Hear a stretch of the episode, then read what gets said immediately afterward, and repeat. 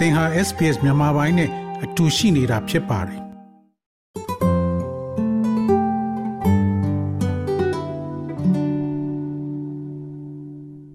တော်ရရှိမြောက်ယနေ့တင်ဆက်ပေးမှာတော့ November လ10ရက်ဗုဒ္ဓနေ့အတွက် SPS News Flash သတင်းထူးများပဲဖြစ်ပါတယ်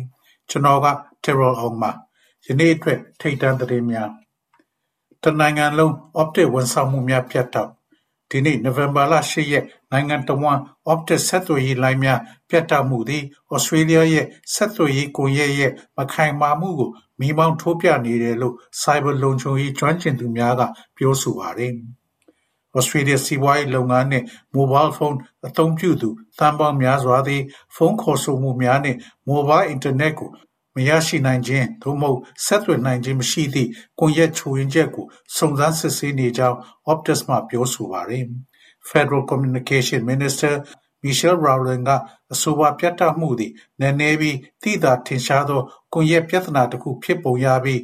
Optus ပြောရေးဆိုခွင့်ရှိသူကကမ္ပဏီသည်ဦးစားပေးအစီအစဉ်ဖြင့်ဝန်ဆောင်မှုများကိုပြန်လည်ရရှိရန်လှုံ့ဆော်နေတယ်လို့ပြောဆိုပါတယ်။ Cyber Security Cooperative Research Center မှ CEO Rachel Falk က Melbourne ရထားဝန်ဆောင်မှုများ ပြတ်တောက်သွားခြင်းမှာ မကြုံစဖူး အတိုင်းအတာတစ်ခုထိ ပြတ်တောက်သွားတယ်လို့ ပြောဆိုပါတယ်။ Australia Islamic အသိုင်းအဝိုင်းအဖွဲ့ဝင်များ စိုးရိမ်ပူပန်နေ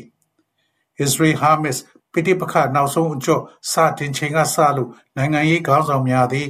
၎င်းတို့အပေါ် မုန်းတီးထားမှုများ တားဆီးရန် ပိုမိုလှုံ့ဆော်ရန်လိုအပ်ကြောင်း Australia Islamic အသိုင်းအဝိုင်းမှအဖွဲ့ဝင်များကနိုဝင်ဘာလ9ရက်နေ့ကပြောဆိုလိုက်ပါတယ်။ Islamophobia Register of Australia သည်ပြီးခဲ့တဲ့လတွင်အစီရင်ခံတင်ပြထားသော Islamic ကြောက်ရွံ့မုန်းတီးရေးဖြစ်ရပ်များ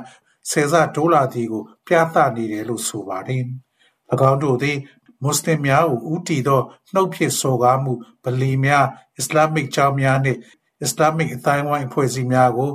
ချင်းချောက်မှုများအထိအပါဝင်ဖြစ်တယ်လို့ပြောဆိုပါတယ်။ Islamophobia Register ရဲ့အမှုဆောင်ဒါရိုက်တာမှာ Shahara Attar ဖြစ်ပါတယ်။ Australia ရဲ့နိုင်ငံရေးခေါင်းဆောင်များသည် လူအုပ်စုတစုရဲ့ထိခိုက်နစ်နာမှုများကိုတခြားလူအုပ်စုတစုထက်ဦးစားပေးလှုံ့ဆော်နေတယ်လို့သူမကဆွဆွဲပြောဆိုသွားပါတယ်။ Optus တနိုင်ငံလုံးဆက်သွယ်ရေး ပြတ်တောက်ပြီးနောက် Triple Zero ခေါ်ဆိုမှုများ ကျဆင်းနေဟုဆို။ Australia တနိုင်ငံလုံးအတိုင်းအတာဖြင့် Optus Mobile Phone နဲ့ Internet ဝန်ဆောင်မှုများ ပြတ်တောက်မှုဒဏ်ကို ဆက်လက်ခံနေရသောကြောင့် Triple Zero က Optus သုံးစွဲသူများအား၎င်းတို့ရဲ့ Mobile Phone မှ သူတို့ရဲ့ Helpline ကို ခေါ်ဆိုရန် အကြံပေးထားပါတယ်။ Triple Zero သည် Optus Mobile Phone များတွင် ပုံမှန်အတိုင်း လုပ်ဆောင်နေသော်လည်း ပြဿနာတွေဖြစ်နေပြီးနိုဝင်ဘာလ10ရက်ယနေ့နံနက်4နာရီတွင်ပထမဆုံးအစီရင်ခံပြီးသည့်နောက်ဆက်သွယ်ရေးဝန်ကြီး Michelle Rowland ကပြတ်တက်မှုနဲ့ပတ်သက်၍နိုင်ငံလုံးဆိုင်ရာညီလာခံတစ်ခုမှပြောကြားခဲ့ပါတယ်။ Sydney နဲ့ Melbourne မြို့မြောက်ဘက်ရှိဆေးရုံများတွင် Service New South Wales Call Center များနှင့် ဖုန်းလိုင်းများနှင့်အတူ Australia နိုင်ငံတစ်ဝှမ်းရှိသားနဲ့ချီသော သုံးစွဲသူများနှင့် မရှိမဖြစ်လိုအပ်သော ဝန်ဆောင်မှုများ ပြတ်တောက်မှုမှာ ဆက်လက် အကျိုးသက်ရောက်မှုများ ရှိနေတယ်လို့ ဆိုပါတယ်။ Ms. Rowland က Cyber တိုက်ခိုက်မှုကြောင့် ပြတ်တောက်သွားကြောင်း အတည်ပြုရန် သတင်းအချက်အလက် မရှိသော်လည်း၎င်းသည် နက်နဲသော စနစ်ပိုင်းဆိုင်ရာ ပြဿနာကို ကိုယ်စားပြုနေတယ်လို့ ပြောဆိုပါတယ်။ Optus ရဲ့ CEO Kelly Bayer Rosmarin မှ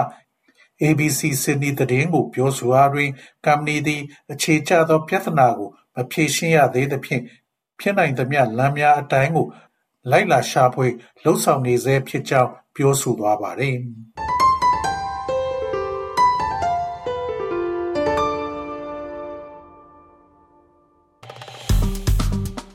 SBS မြန်မာပိုင်းကို Facebook ပေါ်မှာ like ရှာပြီး like မျှဝေမှတ်ချက်ပေးပါ